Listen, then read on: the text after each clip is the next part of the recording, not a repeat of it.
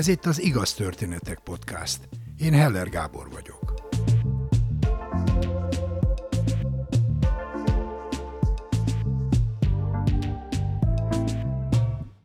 Mit csinálnál, ha? Ezt az egyszerű kérdést tette fel mai történetmondónknak egy barátnője. És az ő erre adott válasza új irányba fordította az életét. Hányan képzelünk el magunknak egy olyan életet, amiben azt mondhatjuk, jó helyen vagyok. A legkülönbözőbb okokból hozzá sem kezdesz, hogy megvalósítsd, megéld ezt a megálmodott életet. Nincs hozzá elég pénzed, nem jó helyen, nem jó időben, nem jó családba születtél, nem vagy elég tehetséges, elég szép, elég okos. Az akadályok, mondhatnám kifogások listája hosszú. Farkas Zsófi egy korábbi életszakaszára azt a kifejezést használja, zuhanó repülés. Hogy ebből hogy jött ki, az hamarosan kiderül. Tulajdonképpen ilyen 12 éves koromtól én jelmeztervező szerettem volna lenni. Erre tudatosan készültem, illetve, illetve az, azt gondolom, hogy így utólag nem is én készültem tudatosan, hanem az édesanyám próbált meg erre felkészíteni. Rajszakkörökkel, meg avval, hogy erről sokat beszélgettünk. És akkor ilyen szakkörök után felvételiztem a kisképzőbe, a Török Pál utcai képző és iparművészeti, akkor még szakközépiskolába, és úgy tűnt, hogy ehhez a vágyhoz legmegfelelőbb szak ez a, ez a bőrszak. És hát akkor euforikus öröm, hogy itt 14 éves lány, aki jelmeztervezőnek készül, felveszik arra a szakra, ami úgy tűnt, hogy ráteszi erre az útra, és akkor elkezdtem oda járni, amit nagyon élveztem is, elég kevéssé voltam ilyen szabálykövető, vagy nehezen lehetett engem így kor, kordába szedni, ezt így utólag én is látom, de nagyon meghatározó volt az életemben, barátságok miatt, illetve egy olyan szemléletmód miatt, ami, végig kíséri az életemet, illetve most is nagy szerepet játszik abban, a, ami én végül lettem. Utólag meghatározó barátságot kötöttem, Nórának hívják a barátnőmet, Rományi Nórának, ő végül is jelmeztervező a mai napig. Én bár felvételiztem gimnázium után, vagy a középiskolai évek után a képzőművészeti egyetemre, de teljesen más hova sodort az élet elmentem egy sikertelen felvételi után a Magyar Televízióba egy évre gyakorlatra, ahova egyébként a Nóra is jött, függetlenül egymástól kerültünk oda, de a kapcsolatunk érettségi után is élő maradt, hiszen egy helyen töltöttük a gyakorlatunkat. Aztán én elkezdtem modellkedni, félelmetes érzés volt ilyen 19 évesen, a 90-es években Budapesten modellként dolgozni. Teljesen eltérített arról az útról, hogy én jelmeztervező szeretnék lenni, meg a sikertelen felvételi után a kudarc élmény az rám nagyon nem volt jó hatással. Nem szoktam hozzá egészen addig, hogy én nem vagyok elég jó. Egy ilyen friss felnőtt életbe ez valaki úgy dolgozza fel, hogy továbbra is motivált marad, illetve az akaratereje van akkora, vagy a kitartása van akkora, hogy tovább lépjen egy kudarcon. Nekem nem volt, ráadásul egy ilyen teljesen csillogó, ilyen léha életbe kerültem, ami, amit egyáltalán nem bánok utólag, de a, a lényeg az, hogy Gellert kapott ez a típusú vágyam, teljesen mással kezdtem el foglalkozni. Nórától abszolút távol kerültem, nem érzelmileg, hanem fizikailag, tehát mi egyáltalán nem tartottuk a kapcsolatot. Több tíz éven keresztül, talán húsz éven keresztül, sodort minket az élet jobbra-balra, ő jelmeztervező lett, én pedig szültem egy gyereket, férhez mentem, és teljesen más dolgokban próbáltam meg megtalálni az életem hivatásbeli értelmét. Hát a modellkedés tulajdonképpen egy három-négy év után már egyáltalán nem volt komfortos számomra. Hát nagyon szerettem volna valami olyasmit csinálni, ami kreatívabb, meg önállóbb dolog, ahol egy kicsit jobban bele tudom vinni azt, amilyen én vagyok. Az egy olyan időszak volt, ami nagyon-nagyon szerencsés időszak volt abból a szempontból, hogy teljesen felpesdült a, a, az ilyen divat élet, főleg Budapesten, és akkor a kapcsolataim révén elkezdtem divatbemutatókat szervezni, illetve egy pár divattal foglalkozó cégnek a PR-jával, törzsvásárokkal való kapcsolattartással, kisebb bemutatókkal. Megszületett a gyermekem, és utána elkezdtem dolgozni egy nagy esküvői ruhás cégnél, akiknek a divatbemutatóit, meg rendezvényeit szerveztem akkor már állásban. Onnan eljöttem, és átkerültem egy francia divatcéghez, az itteni márka képviseletükhöz, és ott is ugyanebben foglalkoztam. Tehát divatbemutató szervezéssel, sajtóval, törzsvásárlókkal, arculattal, tehát ez egy nagyon pici cég volt, nagyon baráti kapcsolatban voltam a főnöknőmmel, úgyhogy nagyon szabad kezet kaptam egy csomó dologgal kapcsolatban, ami engem nagyon érdekelt, de nem voltam tőle igazán boldog. Azt éreztem, amit azt gondolom, hogy az emberek nagy része érez, amikor a munkáját végzi, hogy megpróbálja élvezni, a nehézségeket azt megpróbálja úgy kezelni, hogy ez természetes vele járója annak, hogy ő dolgozik, megköti a saját kompromisszumait avval kapcsolatban, hogy éppen milyen feladatot kell megoldania, és ehhez mennyi kedve van, mennyire elégíti ki az adott feladat. Átlagos lelki állapottal végeztem a, a munkámat. Van, amikor több lelkesedéssel, és van, amikor kevesebbel megbarátkoztam avval a gondolattal, hogy hát ez az élet, és hát tulajdonképpen azt csinálom, amit, amit mindenki csinál, dolgozik, megpróbálok sikeres lenni benne, megpróbálom benne megtalálni a, a céljaimat, de nem, nem elégített ki.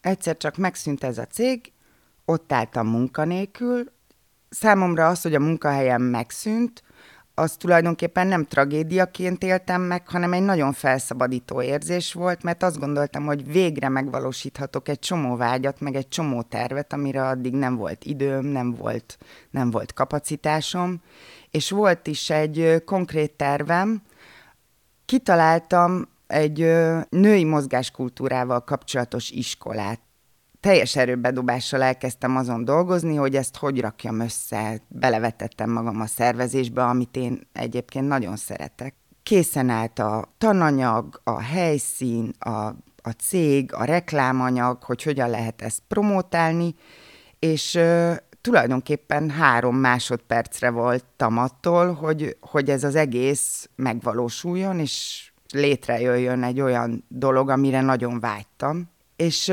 abban a percben, amikor realizálni kellett volna ezt a vágyat, vagy ezt a tervet, és minden készen állt hozzá, azt éreztem, hogy ez nekem nem fog menni. Hogy én nem erre vágyom, nincs bennem az a plusz, amit még, az az utolsó lépés, amit bele kéne tennem ahhoz, hogy sikerre vigyem ezt a mozgáskultúra stúdiót Hát az egy ilyen zuhanó repüléses érzés volt, hogy nem tudok mit kezdeni a szabadságommal, nem tudom a vágyamat megvalósítani, mert tulajdonképpen nem is ez a vágyam. Tulajdonképpen egy ilyen hosszúra nyúlt pillanatban ez realizálódott bennem, hogy nem vagyok a helyemen, nem olyasmit találtam ki, ami igazán belőlem következik.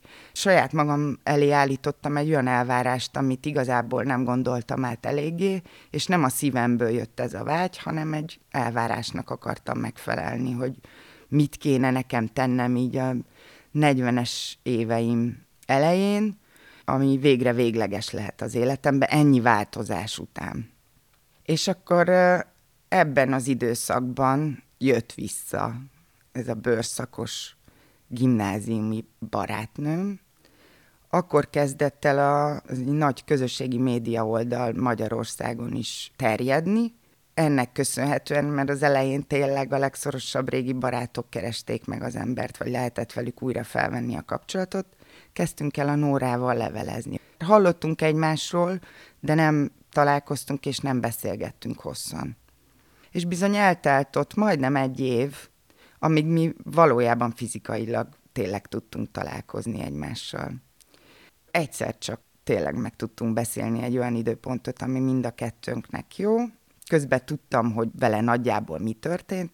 ő éppen a, az operaházban tervez, és akkor ott lesz az Andrási út közelében, az nekem is jó volt, közel laktam hozzá. Mi lenne, hogyha vasárnap kora este találkoznánk a Vian kávéházban, és így hosszabban beszélgetnénk, vacsoráznánk, mind a ketten szabaddá tettük magunkat.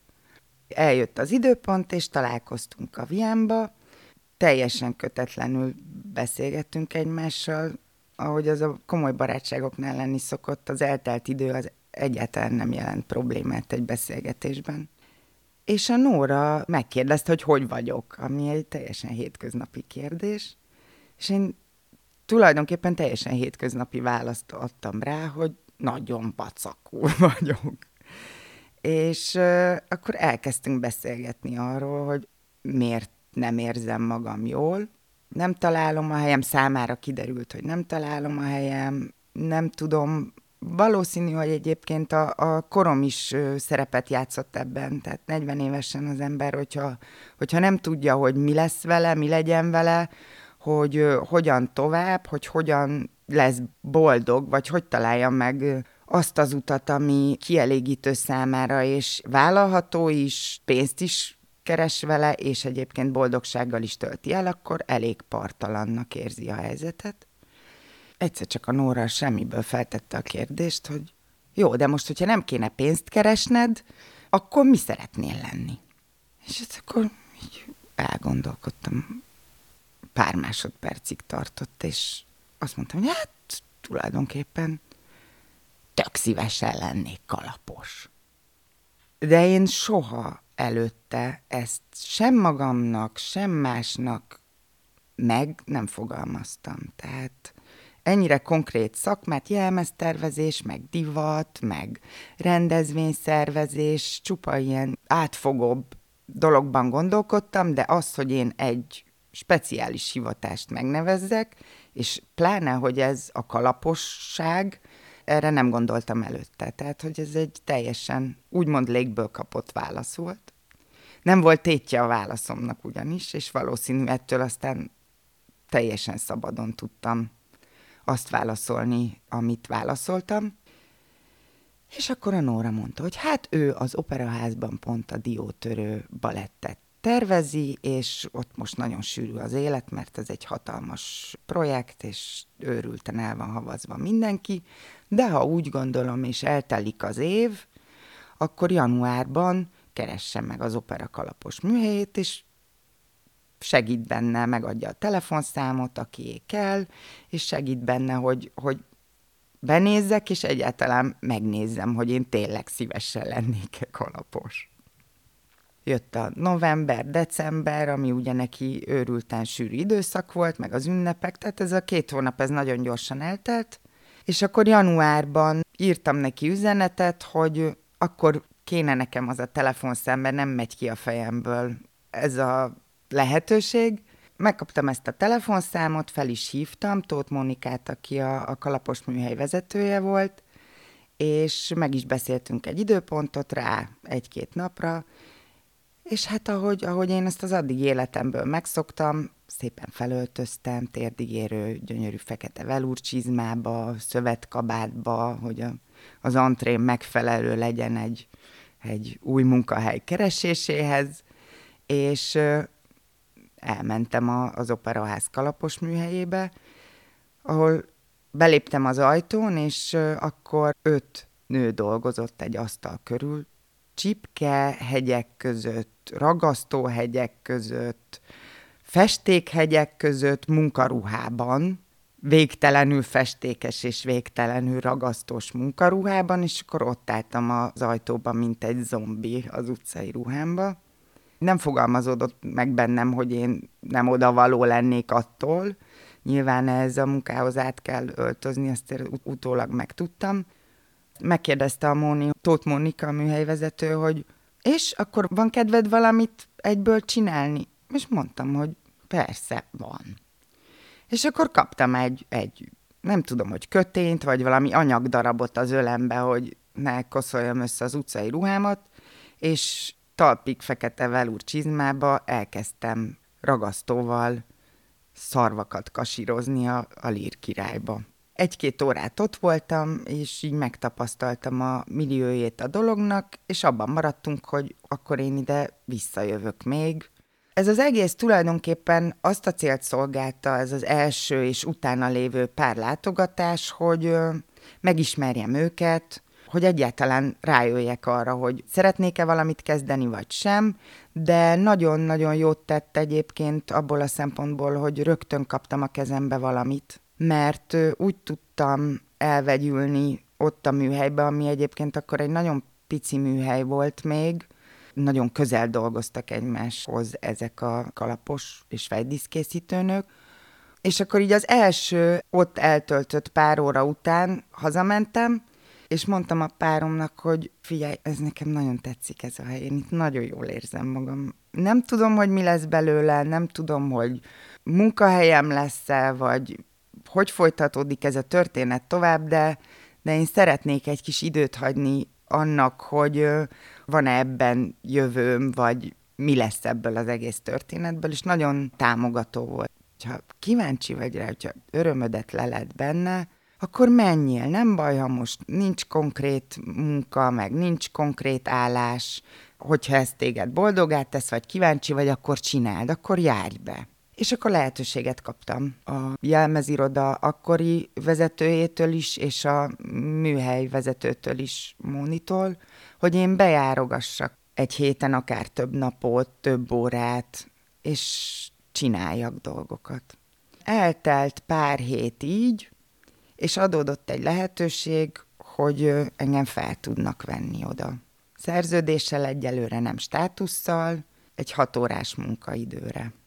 Madarat lehetett volna velem fogatni, hogy ez ennyire gyorsan sikerült, és ennyire flottul megy az egész, de ami, amitől a legjobban éreztem magam, és ami soha addig életemben nem éreztem, hogy amit csinálok, az maximálisan én vagyok. Semmilyen munkával kapcsolatban nem éreztem azt, hogy ennyire zsigerből jönne, vagy ilyen szinten elégítene ki, vagy tenne boldoggá. Miután két-három hónapot töltöttem mm, már a kalapos és fejdiszkészítő műhelybe, akkor kész lett ez a három, három dupla fejdísz, amit kaptam. Tényleg útólag bevalva nagyon lassan csináltam, de örült türelmes volt velem mindenki. És nagyon sokat segítettek, hogy mit, hogy kell csinálni, de teljesen önállóan csináltam meg. Csipkéztem fel a drótvázat, amire rá kellett építeni ezt az egyébként nem nagy fejdíszt, mert kicsi, balettban kicsi fejdíszek vannak. Könnyűnek kell lennie és kicsinek. Gyöngyöztem, szöszmöszöltem vele a végtelenségig, és akkor egyszer csak eljött az öltözéses próba ideje, ami még nem nyilvános, hanem megjelenik színpadon tulajdonképpen teljes zenekari háttérrel, és a teljes koreográfia már jelmezben, ez az első próba, ami már a végleges előadás képét mutatja, és akkor átmentem a ragacsos gatyámba, ebbe a végtelen mocskos öltözetbe, leültem az egyik közeli páholyba, és megjelent a színpadon ez a hármas kis szóló, akiknek én készítettem a fejdíszét, teljesen olyan érzés volt, mint amikor az ember a gyerekét meglátja színpadon. És annyira meghatottam tőle, hogy az operaház színpadán van, amit csináltam. És csillog, és gyönyörű, hogy hát elsírtam magam a meghatódottságtól, és tulajdonképpen, hogy visszagondolok, mindjárt most is bőgök. mert azóta most már nyolc éve vagyok az operánál, már ilyen meghatódottságot nem érzek, hiszen lelkileg rámentem volna erre nyolc évre különben, de soha nem éreztem még ennyire teljesnek az életemet, vagy a munkát érintő részét az életemnek. Abban a pillanatban, amikor én ezt a három kis fejdíszt megláttam, abban a pillanatban tudtam, hogy én, én végre valahára a helyemen vagyok. Nagyon sok próbálkozásom volt azért arra, hogy mesekönyvet illusztráltam, csináltam ékszereket, bizsukat. Nagyon nagyon intenzíven benne volt az életemben a kreativitás. Tehát mindig kellett valamit csinálnom, ami kreatív, és tulajdonképpen mindig akkor éreztem magam a legjobban, amikor kitaláltam valamit, és azt fizikailag meg is valósítottam. Azt gondolom, hogy a Nóra kérdésfeltevése mögött talán lehetett az a háttér, hogy ismert engem kisképzős korunkból, meg ott is egy bőrszakon együtt töltöttünk rengeteg időt, és láttuk, ahogy a másik dolgozik, vagy így lehet, hogy magából kiindulva, meg abból kiindulva, hogy iparművésznek készültünk mind a ketten, aztán én nem lettem az, de ez az érzék azt gondolom, hogy az emberből, ha megvan, akkor nem veszik ki, illetve, hogyha nem teljesíti be ezt a típusú tehetséget, amit kapott, akkor tulajdonképpen szinte biztos, hogy nem lesz teljes az élete.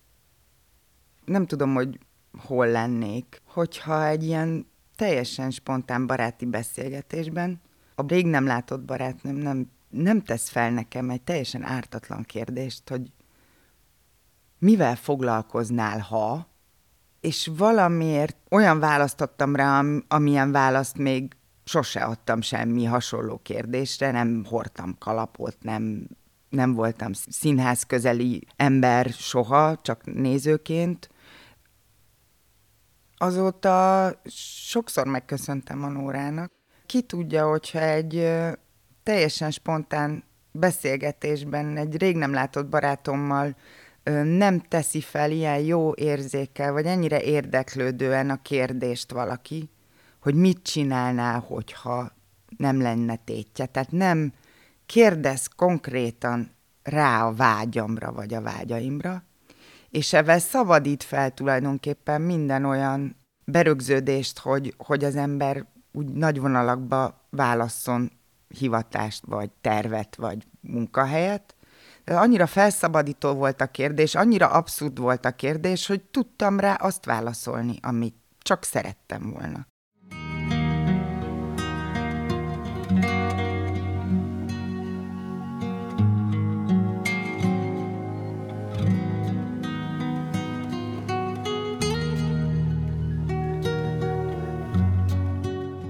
Nagyon örülök neki, és nagyon hálás vagyok az életnek azért, hogy akkor ott a Café Viamba Nóra barátnőm spontán feltett egy kérdést, és én hallgattam a belső hangra, és azt válaszoltam rá, amit, és emiatt a válasz miatt tulajdonképpen teljesen megváltozott az életem, és soha nem voltam ennyire a helyemen, mint amennyire most vagyok.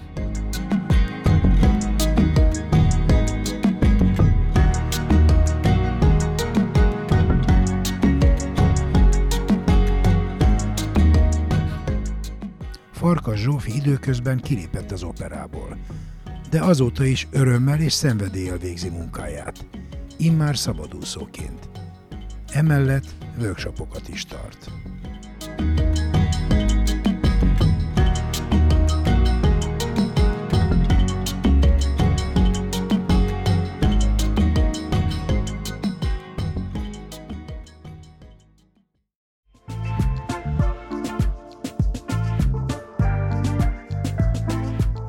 Mindenkinek vannak sorsfordító, képtelen, megható vagy mulatságos történetei. Nem vagy se túl fiatal, se túl öreg ahhoz, hogy te is mesélj egy történetet nekünk. Írd le egy oldalon, vagy vedd fel a mobilodon néhány percben, és küld el az igaz, kukac, igaztörténetek.hu e-mail címre. Várjuk! Kövess bennünket a Facebookon. És ha tetszik, oszd meg barátaiddal. Biztos ők is szeretni fogják. Ha nem szeretnél elszalasztani egy epizódot sem, iratkozz fel az Igaz Történetek podcastra kedvenc lejátszódban.